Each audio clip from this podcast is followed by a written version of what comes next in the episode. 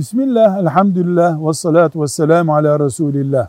Yeni bir iş yeri açıp ticaret yapmak isteyen kardeşlerimize tavsiyemiz var.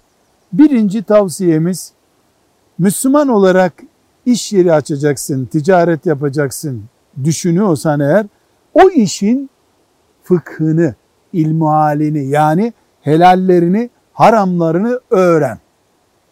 İki, o işle ilgili belli konularda ruhsat alman gerekebilir. Yani fetva alman gerekebilir. Dini ruhsat. En takva, en sert konuşuyor bildiğin hangi alimse ondan ruhsat al. Üçüncüsü her zaman şüpheden kaçan bir tüccar ol. Üretiminde, satışında, pazarlamanda, müşteri ilişkilerinde şüpheden kaçın. Dört, bir şeyin sonu neyse başını da öyle kabul et. Sonunda seni harama sevk edecekse, krediye muhtaç edecekse, başı helal de olsa sen onu helal kabul etme. Sonu çünkü seni harama götürecek. Beş, ticaretle ilgili yaptığın planını dininle ilgili plan olarak kabul et. Çünkü sen Müslüman tüccarsın, olacaksın.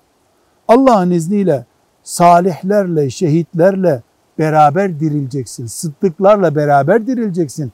Eğer ticari planlaman dini planlamana uygun olursa ve ticaret de olsa iş yaparken kabiliyetini zorlama.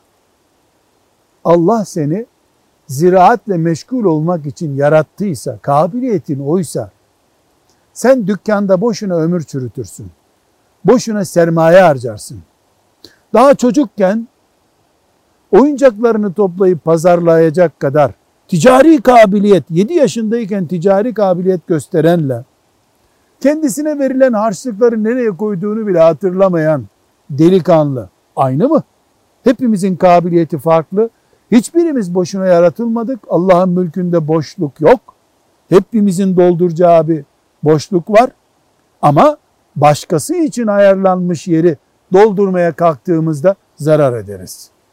Bunlara dikkat edersek hem ahiretimiz hem dünyamız için kazançlı olmuş oluruz diye umuyoruz. Velhamdülillahi Rabbil Alemin.